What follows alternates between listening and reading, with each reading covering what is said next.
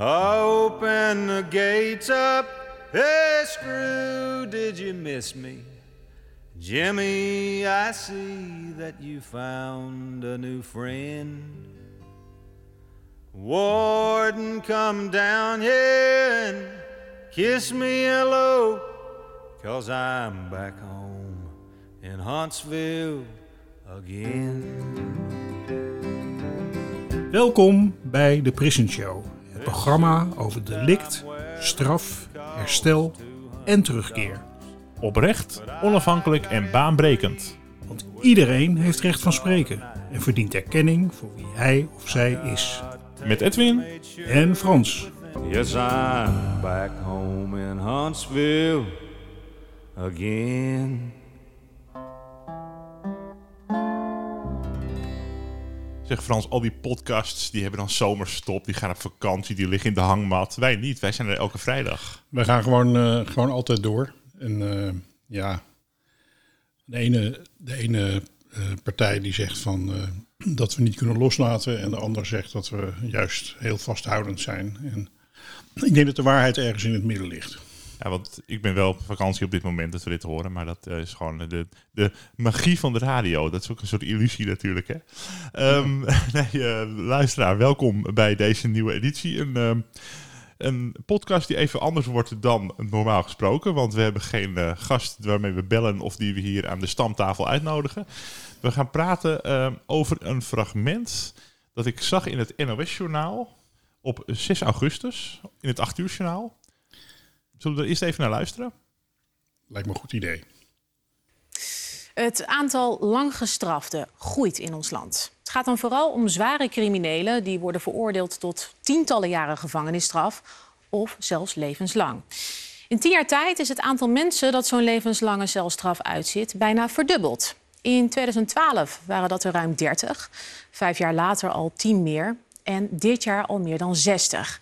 En daar blijft het mogelijk niet bij. Zo is in de strafzaak Ridwan Taghi tegen hem en vier medeverdachten levenslang geëist. En dat eiste het OM ook tegen de twee verdachten van de moord op Peter R. de Vries. Maar waar laat je al die levenslang gestraften? Want sommige van hen moet je vooral niet bij elkaar in dezelfde gevangenis zetten. Celstraffen tot 30 jaar en drie keer levenslang. Dat was begin juli het vonnis in een grote liquidatiezaak. In huiveringwekkende berichten wordt gesproken over hoe de beoogde doelwitten het beste geliquideerd konden worden. Lange celstraffen tot zelfs levenslang, dat dus vaker wordt opgelegd aan beroepscriminelen die onder meer vastzitten in de gevangenis in Roermond. De laatste tijd zijn er in al die grote processen die er zijn geweest zeer lange gevangenisstraffen uitgesproken. Je ziet dat die criminaliteit in die zin in de buitenwereld verhardt en dat merken we binnen ook. Zeker met dit soort lange gevangenisstraffen. De gevangenis hier in Roermond is een van de tien zwaarst beveiligde van ons land, waar dus ook gedetineerden met het hoogste veiligheidsrisico vastzitten. En nu die groep langgestrafte stijgt, maakt dat de puzzel, wie zet je waar vast, steeds complexer. Je kunt zich voorstellen dat er vijandigheid tussen de groeperingen is en die wil je niet bij elkaar op een afdeling hebben zitten. Dat betekent ook tegelijkertijd dat als gedetineerden natuurlijk eh, op een gegeven moment erg lang in een bepaalde inrichting zitten, dat het goed is dat ze eens een keer verplaatst worden. Want ze worden te eigen met, het, met de inrichting en eh, dan is het goed dat ze naar een andere inrichting gaan. Zo ontstaat een hele carrousel van langgestraften die je juist wel zoveel mogelijk bij elkaar moet houden, bepleit advocaat Kremers na een eerdere proef in Veenhuizen. Mensen accepteren hun straf dan vaak eerder, dus er zijn minder eh, procedures, minder gedoe, minder ruzies. eh, want Binnen de inrichting. In de inrichting, want je hebt als levenslang gestrafte natuurlijk eigenlijk niks meer te verliezen. Dus je ziet ook dat er in het begin vaak veel verzet is en oppositioneel gedrag. En dat was daar eh, stukken minder. En men, men, men corrigeerde elkaar ook. Als je kijkt over de rust en regelmaat en de humane detentie hè, die wij voorstaan, is het goed om, eh, om dit soort gedetineerden wat meer te groeperen. Aan de andere kant voor de veiligheid is het weer belangrijk om ze wat meer te laten roleren. En wat ons werk nu is, is om daar juist die optimale balans in te vinden. Ja, als het aantal langgestraften blijft groeien, overweegt justitie om de beveiliging van meer gevangenissen te verhogen, zodat er meerdere locaties zijn om ze op te sluiten. Waarom is justitie met dit item gekomen? En hoe kun je deze informatie als gemiddelde journaalkijker duiden? Met andere woorden, wat wordt hier gezegd en wat is de feitelijke nieuwswaarde van dit bericht? Uit onderzoek blijkt dat wij, gewone Nederlanders, bijna niets weten van de uitvoering van straffen en maatregelen en daar over het algemeen wel een heel stevige mening over hebben.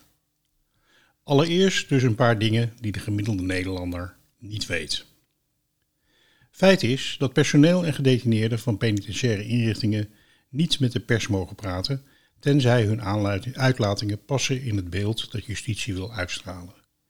Deze keuze voor geslotenheid in plaats van voor transparantie is niet alleen desastreus voor een gezond leefmilieu in de gevangenis, het zorgt er ook voor dat het publiek, de Tweede Kamer en soms zelfs ministers niet echt goed lijken te weten wat er precies gebeurt achter de muren. Een belangrijk feit is dat ongeveer 80% van de gedetineerden in Nederland korter dan een half jaar in de gevangenis zitten.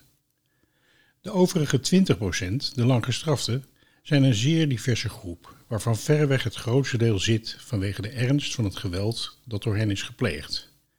Bijvoorbeeld zedenmisdrijven, geweld in de familiesfeer, bij overvallen en inbraken, bij ruzies op straat en binnen het criminele circuit.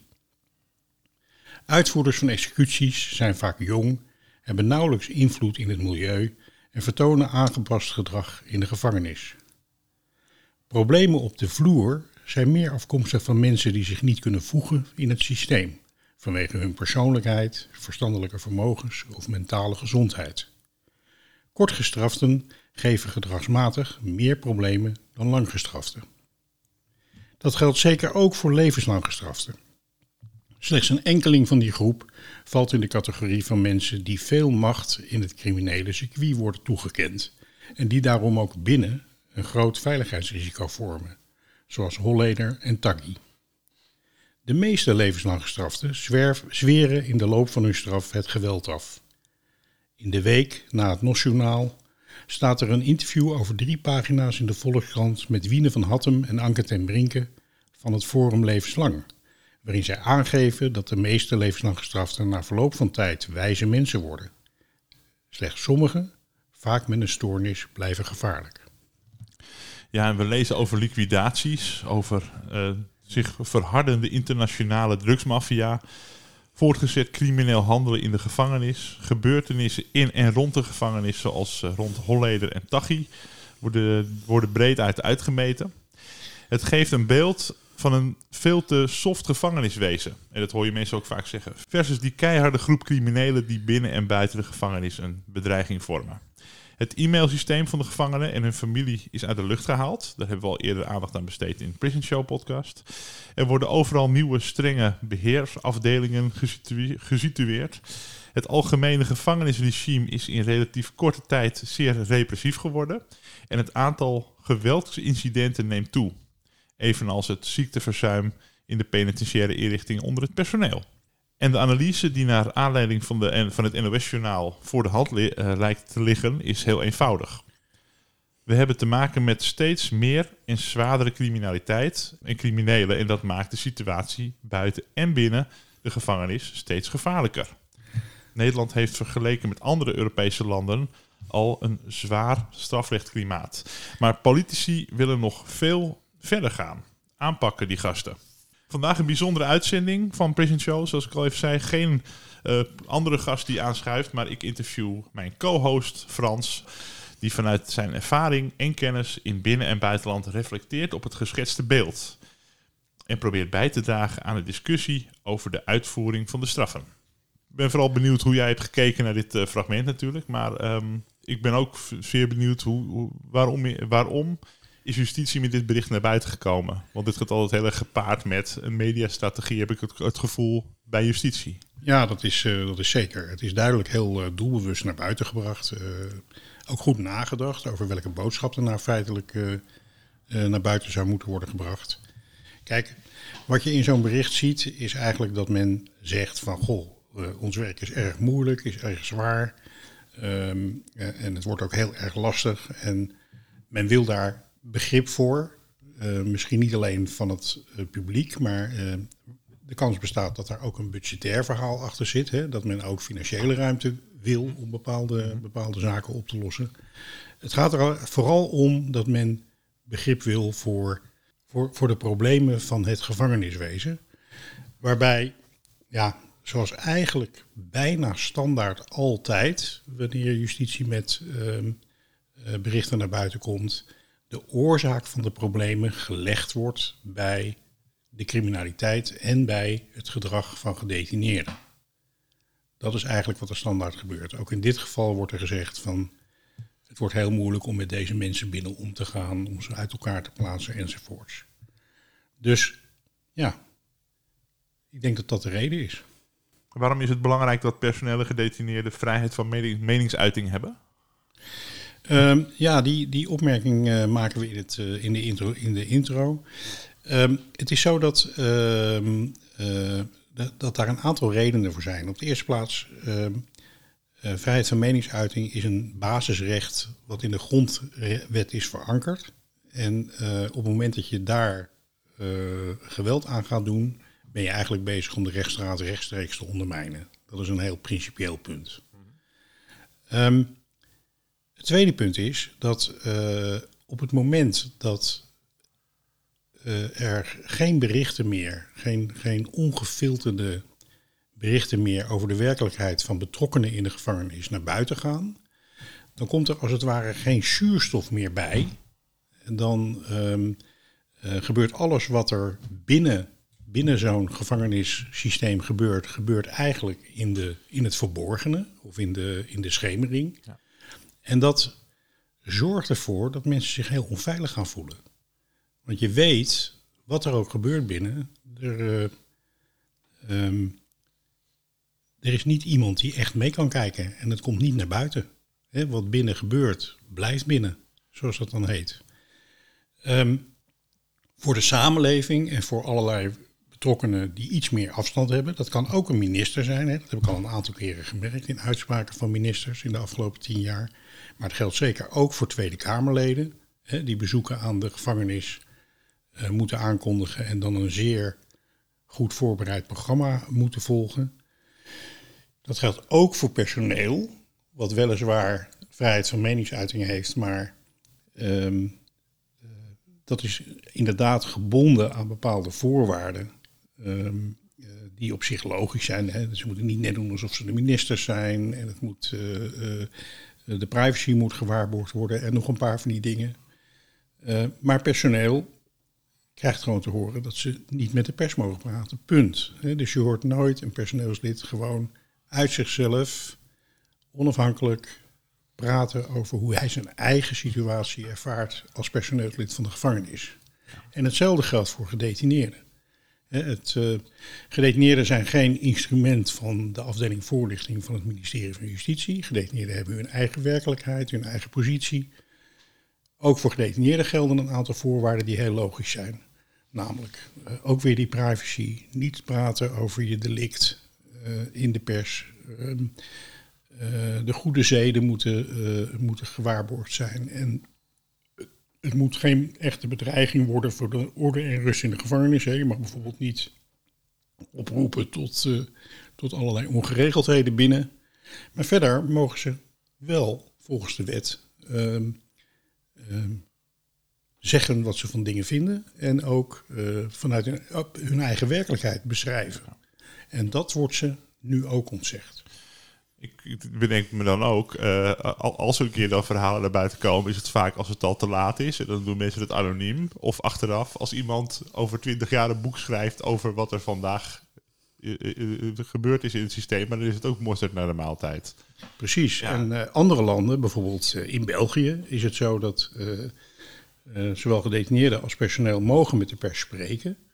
Er wordt wel van tevoren wordt er met ze afgesproken waar ze zich aan moeten voldoen. Het is bekend wat ze wel en wat ze niet kunnen zeggen en hoe ver ze daarin kunnen gaan. Maar daar worden ze pas later op afgerekend. Dus als een gedetineerde zich niet aan die afspraak houdt, of een personeelslid, dan kan die later bestraft worden. Uh -huh. Terwijl hier moet er vooraf toestemming worden gevraagd. Maar, en daar, daar volgt eigenlijk praktisch altijd nee op. Hebben wij ook in de ervaring uh, gezien. Ja. Um, nu gaat het um, item uh, over het aantal keer dat levenslang wordt opgelegd. Hoe komt het eigenlijk dat er ineens zoveel meer mensen levenslang te horen krijgen? Ja, dat is, uh, um, uh, dat is altijd een heel interessant onderwerp, omdat uh, de behoefte om mensen op te sluiten is een, ja, een soort, soort maatschappelijk, politiek vraagstuk. Hè? We, het ene land sluit mensen heel lang op, een ander land niet zo lang. en dat heeft ook te maken met de cultuur van een land, met de politieke situatie enzovoort. Dus het is best wel lastig om daar precies een antwoord op te geven. Wat je van de levenslang gestraften in Nederland, van het levenslang in Nederland ziet, is dat Nederland een enorme vlucht heeft gemaakt, al, alleen al in de laatste 10, 15 jaar, in het verhogen van, het, van de gemiddelde strafduur. Dus Nederland heeft eigenlijk een steeds repressiever klimaat gekregen, steeds langere gevangenisstraffen. En um, men heeft even wat problemen gehad met het opleggen van levenslang omdat uh, het Europese Hof zei van je, je kunt dat niet opleggen, want het is een straf die onmenselijk is, omdat er geen uitzicht is op vrijlating. Um, minister Weerwind heeft aangegeven dat hij wil dat levenslang wordt uitgesproken door, door een onafhankelijke rechter en niet meer door een politicus. En wellicht dat dat ook mede een reden is dat rechters zich wat vrijer voelen om een levenslange gevangenisstraf op te leggen. En natuurlijk is het zo dat in het algemeen, en dat zie je dus in de media en dat zie je in de politiek, er een enorme angst is ontstaan door bijvoorbeeld de situatie rond Taggi, het uh, neerschieten van advocaten, van Peter R. Vries enzovoorts, is er een soort gevoelen, denk ik, van mensen dat het allemaal helemaal uit de hand aan het lopen is met, met moord en doodslag. Ja, een soort wilde westen. Um, ja, een soort uh, toename van onveiligheid in de maatschappij. In hoeverre vormt de toename van het aantal levenslang gestraften ook een risico voor de veiligheid binnen in de inrichtingen? Ja, mensen die daar van buiten naar kijken, die zeggen van ja, iemand die uh, een levenslange gevangenisstraf heeft, die heeft niets meer te verliezen. Uh, je hoort het die advocaat ook, ook zeggen. Mm -hmm. ja, dat, dat is niet waar. Hè? Dat klopt gewoon niet. Het is inderdaad tot dit moment een, een uitzichtloze straf. Dat, dat klopt. Hè? Geen uitzicht op, op vrijlating. Maar als ik kijk naar de groep levenslang gestraften die ik ken, en ik ken ze bijna allemaal, ken ze ook bijna allemaal persoonlijk vanuit, mijn, uh, vanuit mijn werk. Is het zo dat mensen over het algemeen wel voor een heel ernstig geweldsdelict veroordeeld zijn. Maar eigenlijk al vrij snel na het uitspreken van de straf eigenlijk een soort houding hebben van ja, ik zit nu eenmaal in deze situatie en ik zal ervan moeten maken van wat ik ervan kan maken. Dus uh, heel belangrijk wordt hun familie en hun dierbaren buiten. En er zijn er ook een aantal die binnen proberen een zo zinvol mogelijk bestaan te leiden. Hè? Door bijvoorbeeld bepaalde arbeidsprojecten te gaan doen, door iets te betekenen voor mede te gedetineerden enzovoorts. Dus ehm, de, de levenslang gestrafte op zichzelf is niet een groter veiligheidsrisico in de praktijk dan uh, andere gedetineerden. Dat is gewoon niet wat je ziet. Het is juist een groep die behoorlijk rustig is. En ook wanneer je ze de gelegenheid geeft om in detentie op een uh, zinvolle manier in te voeren en wat meer autonomie te hebben binnen de gevangenis, hè, hun eigen soort zichzelf bedruipend leefklimaat in te richten. En daar, dat noemt die advocaat ook in de uitzending, dan is dat eigenlijk penitentiair gezien niet een hele moeilijke groep om binnen te hebben. Nee, dat je levenslang hebt wil niet zeggen dat je leven voorbij is. Een, een nuttig leven is altijd mogelijk om er iets van, uh, van te maken binnen al die beperkingen. En ook niet dat je, als je levenslang hebt, dat je je dan binnen de gevangenis als een desperado gaat gedragen. Dat ja. is ook helemaal niet het beeld. Ja, waar is justitie dan eigenlijk bang voor? Nou ja, wat ik een beetje denk, en dat is. Uh, um, de, de, tijd waarin we zitten is dat, uh, uh, dat er een aantal omstandigheden zijn die de onveiligheid binnen inrichtingen heel erg uh, op de proef stellen. Um, of heel erg verhogen. Ik heb al iets gezegd over de, steeds geslotener, het steeds geslotener klimaat binnen penitentiaire inrichtingen. Dat is zonder meer een, een bedreiging voor de, voor de veiligheid binnen. Omdat het ook consequenties heeft voor het leefklimaat, voor uh, contacten met familie. Hè. Ik noemde al het, uh, uh, de stekker uit het e-mailprogramma trekken voor een lange periode. Um, achterblijvers, die, en dat zijn dan de naasten van gedetineerden, die op geen enkele manier betrokken worden bij wat er binnen gebeurt. Dat is echt heel erg slecht voor de, voor de veiligheid binnen. Daarnaast zijn er een paar zaken die spelen uh, in een heleboel sectoren, zoals de horeca, het onderwijs, uh, de zorg. Dat is namelijk dat de factor mens gewoon ontzettend verwaarloosd is voor een vrij lange periode. En dan bedoel ik eigenlijk het personeel. er is een enorm personeelstekort binnen de penitentiaire inrichtingen.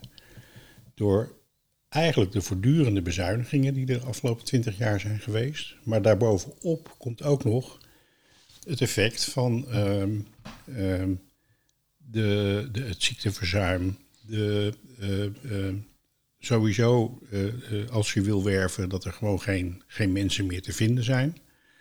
En, um, en dat betekent eigenlijk dat je altijd met tekort aan personeel loopt. En dat niet alleen. Als je nieuwe mensen hebt, dan heb je ook geen gelegenheid om mensen in te werken. Er is ook eigenlijk helemaal geen ruimte voor opleidingen DJI roept al jaren dat ze mensen willen opleiden en dat ze ze willen trainen, want het is een hartstikke moeilijk beroep om uh, in een inrichting te werken. Maar daar heb je gewoon helemaal geen mensen voor, dus dat gebeurt eigenlijk gewoon niet. En het, het, inwerken zelf, daar is het ook te druk voor op de werkvloer. En dat deed best wel tijd. Want je zei, uh, toen we elkaar uh, van de week spraken, van ja, dat, dat, er gaat heel, een aantal jaren overheen voordat iemand echt is ingewerkt en ja, iemand met, met, met goede levenservaring en een goede achtergrond. Die doet er toch zeker wel een jaar of drie over voordat, hij, uh, voordat je hem echt, uh, voordat hij echt een professional genoemd kan worden op de werkvloer. Mm -hmm. En um, uh, ja, je zult mensen echt, echt goed moeten trainen, opleiden, ook steeds blijven, zich blijven kunnen laten ontwikkelen, weer dit werk op een goede manier kunnen volhouden. Want als je dit werk niet op een goede manier kan volhouden, dan is het risico heel groot dat je allerlei gedrag zelf gaat vertonen, wat, wat valt onder de categorie overlevingsgedrag. He, dan ja. krijg je dus de stress van het werken binnen het systeem en het werken met gedetineerden, waardoor je ook uh, de neiging krijgt om anderen niet meer als mensen te behandelen. He? Dat is eigenlijk heel logisch, want uh, ja, dan probeer je zoveel mogelijk de boel te beheersen en de gedetineerden achter de deur te houden en uh, op hun gedrag uh, te corrigeren.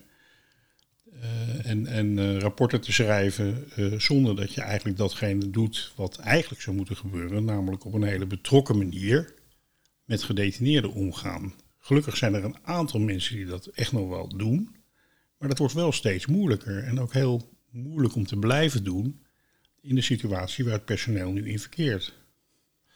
En uh, dan wordt in dit item een soort um, stelling geponeerd, een soort dilemma. Hè? Is er sprake van? Het steeds verplaatsen van mensen of ze een vaste plek bieden. Hoe kijk je naar dat dilemma? Nou ja, wat ik, wat ik zie is dat uh, de reden waarom er incidenten uh, zijn um, in de gevangenis en de situatie onveiliger wordt, de redenen zijn, hebben veel meer te maken met een, het enorme personeelsgebrek wat er is. Uh, en met omstandigheden zoals allerlei veiligheidsmaatregelen, hè, die, die uh, diep ingrijpen in de leefsfeer. Hè.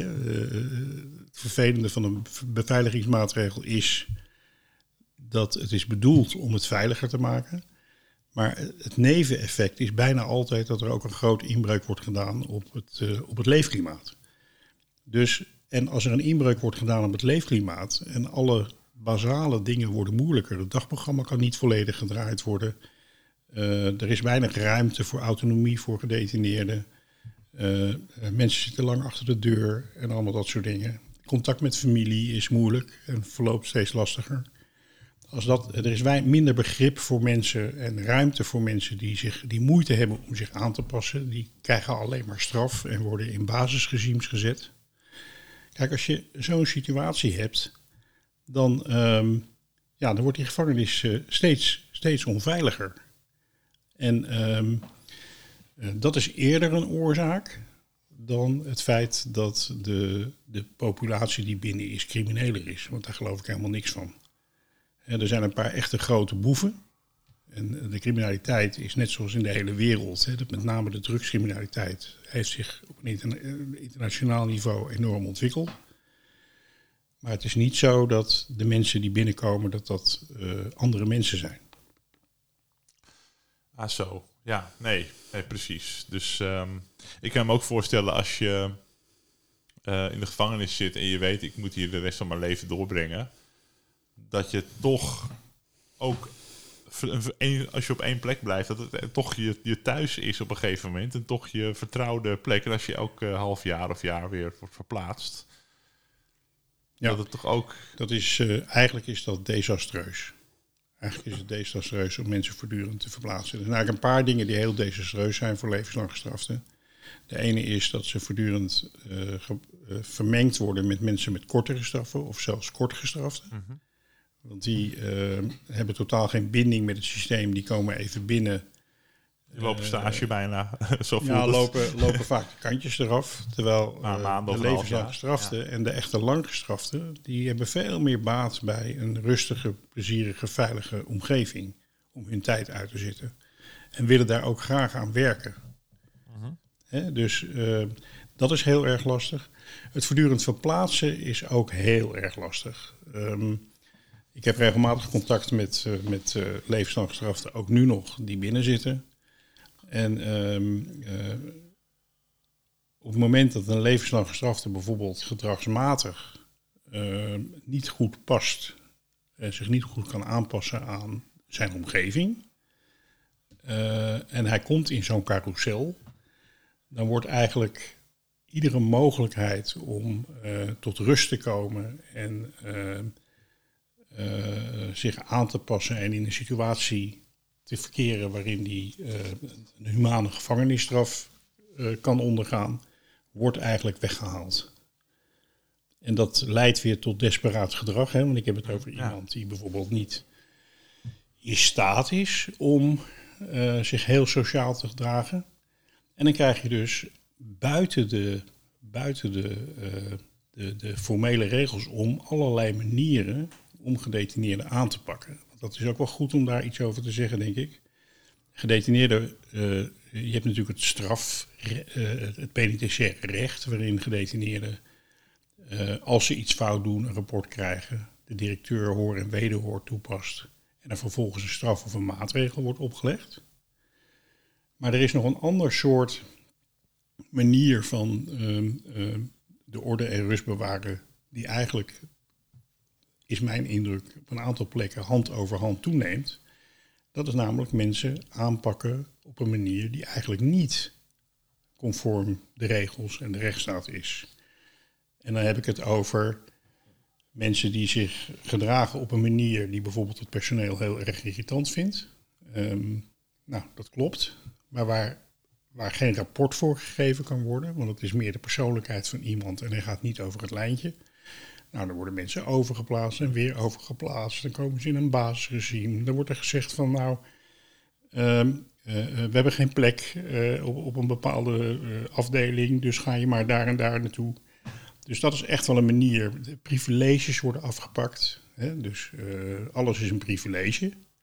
Ik heb zelfs, ken ik een geval van iemand, dat is ook iets van onlangs, ook een lang gestrafte, die had een baantje. Die was sporthulp in een inrichting. Mm Um, vervolgens uh, uh, wil de directeur dat niet, want dan is hij in de buurt van, van een andere gedetineerde die, uh, waar hij hem bij uit de buurt wil halen. Alleen er is geen goede reden om die twee uit elkaar te willen houden. de directeur doet dat toch en ehm, vervolgens verliest hij gewoon de zaken bij de beklagrechter, de directeur dus, en, en bij de Centrale Raad. En het eind van het liedje is dat hij dan het baantje opheft. Nou, dat soort voorbeelden hoor ik voortdurend. En dat betekent dus eigenlijk dat je als overheid, hè, waar je, eh, daar waar je integ voor integriteit staat, ehm, eigenlijk op allerlei manieren de regels en de wetten probeert te omzeilen die er gelden voor jouw werk. Dus dan ga je iets opheffen wat heel veel waarde creëert eh, binnen zo'n gevangenis, en iets positiefs. En ook voor anderen verpest je dat dan maar, dat heeft je dat baantje maar op om iemand maar weg te houden bij een ander. Ja, en het kernprobleem is nog niet eens zozeer dat dat baantje niet meer bestaat. Maar het kernprobleem is dat op het moment dat jij als overheid, als directeur, je niet houdt aan de regels van, uh, die, die eigenlijk opgesteld zijn, hè, gewoon op een, op betijds reageren op dingen, uh, je houden aan, aan, aan termijnen, je houden aan de, de, de, de rechten en plichten die je ook als, als, als inrichting hebt, ja, dan ondermijn je wel heel erg de veiligheid. Want je kunt je voorstellen dat op het moment dat gedetineerden het gevoel hebben dat ze op geen enkele manier ertoe doen, zeg maar. Mhm. Ja, dat dat, dat, dat uh, tot desperaat gedrag leidt. Uh, over dingen die worden afgenomen. We hebben het onlangs ook al gehad over het uh, e-mailsysteem in de gevangenis. E-mates heet dat geloof ik. Ja. En dat werd stopgezet. Hoe staat het daar eigenlijk nu voor? Kunnen mensen weer e-mailen? Is het nog beperkt? Nee, het is nog steeds uit de lucht en het duurt eigenlijk eindeloos lang. Terwijl er er helemaal niets gebeurd is. Er zijn geen incidenten geweest. De post van gedetineerden is gewoon gecontroleerd geweest altijd. Het was met name naar aanleiding van de zaak uh, Taggi. Mhm. Ehm, feitelijk is er niets aan de hand. En het verontrustende daaraan is dat kennelijk er een hele grote stem is in Den Haag die uh, op geen enkele manier rekening houdt met, uh, met de familie van gedetineerden, met wat feitelijk de, de, de veiligheid in de inrichting wel of niet beïnvloedt.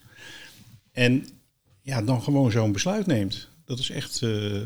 inmiddels heb ik begrepen dat het bedrijf wat dat aanbiedt, waar echt niets mee aan de hand is, dat die, dat die ze onderhand failliet aan het gaan zijn. Hè? Ja, dus als je het weer wil opstarten, moet je weer een hele nieuwe infrastructuur daarvoor aanleggen of een nieuw bedrijf weer? Ja, het is natuurlijk een hele, hele onjuiste manier van met een bedrijf omgaan en met alle mensen die er gebruik van maken. Het is echt heel, uh, heel onrechtvaardig. En ook internationaal uh, kent het eigenlijk zijn weergaan niet. Op dit moment is het zo dat er zelfs in Rusland gedetineerden gewoon heen en weer kunnen e-mailen. Ja, uh, in Texas, waar ik regelmatig kom en wat een van de meest repressieve staten is in Amerika en misschien wel van de wereld als het om gevangenissen gaat. Daar hebben gedetineerden nu een, een, een, een iPad waarmee ze zelf kunnen e-mailen en gaan ze maar door.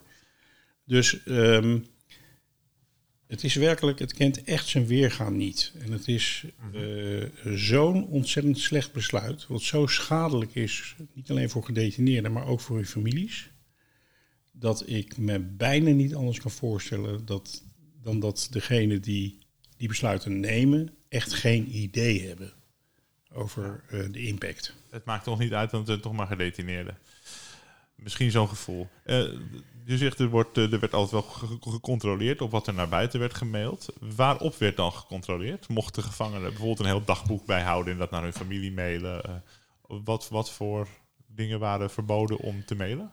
Ja, het is in ieder geval zo dat, kijk, in de wet staat dat, dat, dat uh, uh, communicatie met van buiten naar binnen en van binnen naar buiten, dat dat gecontroleerd moet gebeuren. Dus er moet een vorm van controle zijn. gedetineerden hebben duizend manieren om met de buitenwereld te communiceren. En de buitenwereld met hun. dat, dat kan via brieven, dat kan via telefoontjes, dat kan via e-mail. en natuurlijk ook gewoon bezoek. Hè? Mensen krijgen gewoon bezoek en tijdens dat bezoek wordt er allerlei informatie uitgewisseld en is het bijna niet mogelijk om dat helemaal gecontroleerd te laten verlopen. Sterker nog, zelfs de meest beveiligde plek, zoals de EBI is, wordt echt heel goed gecontroleerd. Maar um, uh, je kan het nooit 100% dichtmaken. Dat kan niet. Dat kan alleen maar wanneer je iemand in een kou stopt, er een hek overheen legt en nooit meer in de buurt komt. Hè? Alleen af en toe eten door de, er doorheen gooit. Ja, en, dan, en dan nog lukt het. Uh, Zoals op Duivelseiland. Dat is echt, ja. dat is echt heel erg... Uh, dat is echt heel erg moeilijk. Dus, dus je moet gewoon je goed realiseren dat op het moment dat je deze weg inslaat, dat je dan uh, bezig bent de situatie in de gevangenis heel onveilig te maken. Want het heeft gewoon heel veel impact op gedetineerden en op hun relaties. Wat zijn eigenlijk de feiten en omstandigheden die de situatie in de gevangenis het meest veilig of onveilig maken? Ja, er is, uh, er is best wel veel, uh, veel onderzoek naar gedaan. Eigenlijk weten we dat wel, ook internationaal.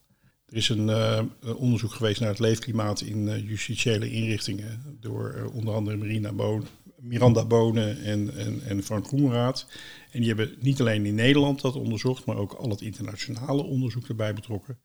En het is vrij duidelijk dat je een soort sfeer moet creëren waarin uh, personeel op een uh, betrokken, ondersteunende manier met gevangenen om kan gaan. Dus echt op een hele menselijke, persoonlijke manier. gevangenen ook goed kent. en gevangenen ook het personeel goed kent. Waarbij het personeel ook moet zorgen dat ze voldoende afstand houdt. En de gevangenen natuurlijk ook. En het personeel ook. Omdat het wel een situatie is waarin de ene partij de andere partij aan het opsluiten is. Hè? Dus met een enorm machtsverschil. Wat ook bekend is, is dat je gedetineerden zoveel mogelijk autonomie moet gunnen.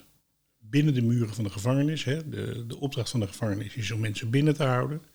Niet om ze nog verder te beperken of te martelen of whatever. Uh, je moet mensen zo normaal mogelijk laten functioneren binnen. Dat is goed voor het beperken van de schade um, uh, van de detentie. Maar het is ook heel goed voor het voorbereiden op terugkeer in de samenleving. Want de meeste gevangenen, verreweg de meeste gevangenen, komen gewoon weer buiten en dan doen ze weer mee. Dus hoe meer verantwoordelijkheid en mogelijkheid om zichzelf te ontwikkelen je geeft, hoe veiliger het wordt in de gevangenis. Een derde is het contact met buiten. Um, daar waar justitie echt kiest voor een hele gesloten opstelling, is een van de allerbelangrijkste factoren om een gevangenis gezond te houden, is de buitenwereld binnenhalen. En dat kan op honderd manieren. Dat kan door vrijwilligers binnen te halen. Dat kan door uh, in ieder geval de media zoveel mogelijk binnen te laten. Hè. Dus op dit moment kan nog geen gevangene een podcast luisteren bijvoorbeeld. In deze tijd. Het is een teken aan de wand dat justitie daar niet eens een stinkende best voor doet om dat wel mogelijk te maken. Nee, justitie wil dat juist niet. Die willen juist beperken. Dus um, ja, dat maakt het gewoon. Het, het, uh, het contact met, met familie is natuurlijk tijdens, uh, um, tijdens corona enorm beperkt geweest. Dat heeft heel veel schade opgeleverd bij kinderen, bij gezinnen, bij families. Um, maar wat je ziet is dat uh, uh, er geen enkele stap gezet wordt om relaties van gedetineerden, naast van gedetineerden, op een of andere manier te betrekken bij het hele proces van uh, het maken van een plan voor straks naar buiten. Mm ja, want dat, ja, je hoeft niet doorgeleerd te hebben om te snappen dat de allerbelangrijkste partij, als mensen naar buiten gaan, is zijn of haar gezin. Die moet je aan je kant hebben, ja, precies. Uh, die hebben daar de meeste consequenties van. Nou, die worden op geen enkele manier betrokken. Uh, die worden bijna uh, behandeld als een verlengstuk alleen maar van de gedetineerden. Ze hebben ook geen enkele rechtspositie. Um, dus dat betekent dat, dat door daar op deze manier mee om te gaan met de buitenwereld, in feite de, um, de situatie binnen onveiliger wordt onveiliger wordt. Een, een, beweging die er ook is, is dat uh, we hadden vrijwilligers die uh, in de gevangenis, die uh, van verschillende organisaties, die eigenlijk menselijk contact aanboden aan, aan gedetineerden. Daaronder zaten ook ervaringsdeskundigen. Hè? Dat zijn mensen die de wereld van de gevangenen en van de gevangenis kennen, omdat ze zelf in de gevangenis hebben gezeten. En andere keuzes in hun leven hebben gemaakt en nu gedetineerden begeleiden, om het zo maar te zeggen. -hmm. Justitie maakt nu ook weer de keus om dat allemaal, uh, daar allemaal paal en perk aan te stellen. Hè? Dus in hun voorlichting en hun propaganda, noem ik het, uh, staan ervaringsdeskundigen hoog in het vaandel. Wat ze in feite aan het doen zijn, is zo enorm stevig gaan zitten op het verklaring omtrent gedrag. Hè? Dus, dus dat iedereen dat moet hebben. dat in feite er geen ruimte meer is om deze mensen binnenin te zetten. Dus het, het men sluit zich af steeds meer van de buitenwereld. En dat, daardoor wordt het heel erg onveilig. Ja, juist de doelgroep die die connectie kan maken. Ja, ja. ja. bizar. En ehm, nu heb je het over uh, ja, mensen die andere keuzes hebben gemaakt. Andere keuzes maken in hun leven. Um, mensen zeggen ook wel eens van ja, je hebt zelf verkeerde keuzes gemaakt. Jij bent helemaal verantwoordelijk voor het delict dat je hebt uh, gedaan. Ja. In hoeverre zie jij het echt als alleen de verantwoordelijkheid van de individuele dader um, die die heeft bij een delict? Ja, nou ja wat, ik, wat ik in ieder geval vind is wanneer jij iets doet, hè, bijvoorbeeld iemand geweld doet als individu, vind ik ook dat, uh, uh, dat we naar jou moeten kijken en dat er bij jou iets moet gebeuren. Hè? Laat daar mhm. geen misverstand over bestaan. Ja. Wat dan effectief is, is weer vers 2. Uh, ja, en die effectiviteit die wordt heel erg bepaald door uh, hoe je aankijkt tegen de verantwoordelijkheid van jou als persoon en waarom je dit gedaan hebt. Ik zelf vind dat um, uh, wij als samenleving ook een belangrijke verantwoordelijkheid hebben in, het, in de manier waarop kinderen opgroeien in onveilige situaties, uh, de aansluiting niet vinden op school of in de samenleving. Eh, dan een voortdurende escalerende um, loopbaan via justitie en dat soort dingen krijgen. Dat is niet alleen de verantwoordelijkheid van dat, van dat kind, want daar begint het. Maar het is ook een verantwoordelijkheid van de samenleving. Die, uh, uh, en, wij gewoon als medeburgers, maar ook gewoon de scholen en de instituties, om dit te laten gebeuren. Hè? Uh, kinderen zonder perspectief opgroeien, kinderen die op een gegeven moment zichzelf alleen nog maar kunnen voorstellen dat ze in het criminele circuit uh, kunnen, succes kunnen hebben. En op een andere manier niet uitgedaagd en gestimuleerd worden. Dat geldt zeker ook voor de terugkeer natuurlijk. Voor uh, dus eerst de detentie en dan de terugkeer. Ik bedoel, mensen is al hun macht afgepakt. Hè? Je wordt opgesloten door de overheid. Dus eigenlijk is de overheid heel, heel erg verantwoordelijk voor wat er binnen de gevangenis gebeurt. De overheid bepaalt, wij bepalen wat er gebeurt in de gevangenis. En dat betekent dus ook dat we heel erg verantwoordelijkheid zijn, als Nederland ook, hoe we, hoe we omgaan met, met gedetineerden. En het succes daarvan, dat is niet alleen maar die individuele verantwoordelijkheid van die gedetineerden. Je moet hem dan wel de ruimte geven om zich te ontwikkelen. Je moet de ruimte geven uh, om uh, een bepaalde verantwoordelijkheid te nemen. De ruimte geven ook om fouten te maken daarin. Hè? Het is niet van, uh, oké, je hebt een fout gemaakt en nu zit je de rest van de intentie achter de deur. Nee, een fout moet een aanleiding zijn om, om, om van te leren. Dat moet een leermoment zijn. Dus ik vind dat wij veel te veel de verantwoordelijkheid puur en alleen bij het individu leggen en niet bij de gemeenschap. Want wij zijn als mens, zijn we niet alleen een individu, maar we zijn vooral ook een medemens en onderdeel van een gemeenschap. En we worden daar ook door gevormd. In die zin is de ideale of de perfecte gevangenis een plek van herstel, zou je kunnen zeggen, die, die je weer voorbereidt op uh, de toekomst. Uh, wat, is, wat staat justitie te doen om dat van een gevangenis te maken? Ja, er zijn een aantal dingen die ook wel echt, uh, echt een wetenschappelijke basis hebben. Een daarvan is dat, dat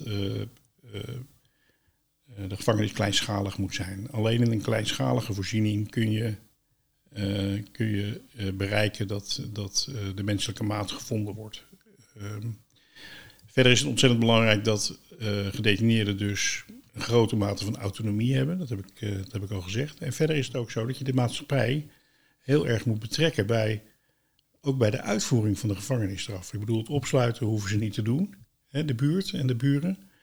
Maar wat, ze wel, wat wel heel belangrijk is, is dat familieleden, kinderen, partners, maar ook bedrijven uit de regio of uit de stad eh, instanties, dat die gewoon toegang tot die gevangenis krijgen. En ook daadwerkelijk uh, mee vormgeven aan uh, voorbereiding op terugkeer in de samenleving. Ja. Ik denk dat dat een hele belangrijke, belangrijke zaak is. Ja. Um, en dan wat vind je dan van de stelling dat justitie meer bijdraagt aan de gevoelens van onveiligheid dan de gedetineerden? Ja, het klinkt een beetje extreem, hè? Van dat, uh, wat justitie zegt, ja, die, uh, uh, dat, zo denken we erover. die, die mensen hebben een delict gepleegd, dus zij zorgen voor de onveiligheid. Aan de andere kant kun je ook zeggen dat als we een hoog recidivepercentage hebben, wij ook te maken hebben met een recidiverende overheid, die eigenlijk voortdurend dezelfde fouten maakt en steeds hetzelfde doet, zonder dat dat leidt tot, tot een grotere veiligheid in de samenleving. En als je alle dingen die de laatste 10, 15 jaar gedaan zijn om um, in het gevangeniswezen, hè, het opheffen van de open inrichtingen, het opheffen van de halfopen inrichtingen, het uh, uh, veel repressiever maken van het klimaat, het hele principe van straffen en belonen, hè, waarbij een heel groot deel van de populatie, juist de populatie, deel van de populatie, dat die aandacht nodig heeft om op een goede manier terug te keren. Um, die juist uh, dat niet te gunnen, hè, omdat ze zich niet goed gedragen en de, de inspanningen juist doen naar mensen die dat helemaal niet zo nodig hebben, mm -hmm.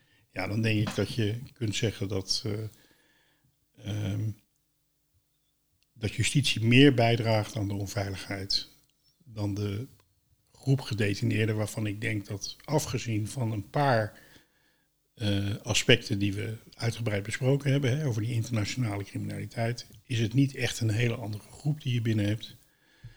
Um, en ik moet dan altijd terugdenken aan een leermeester die ik had vroeger in het Pieterbaancentrum. Daar hebben we het al over 30, 40 jaar geleden.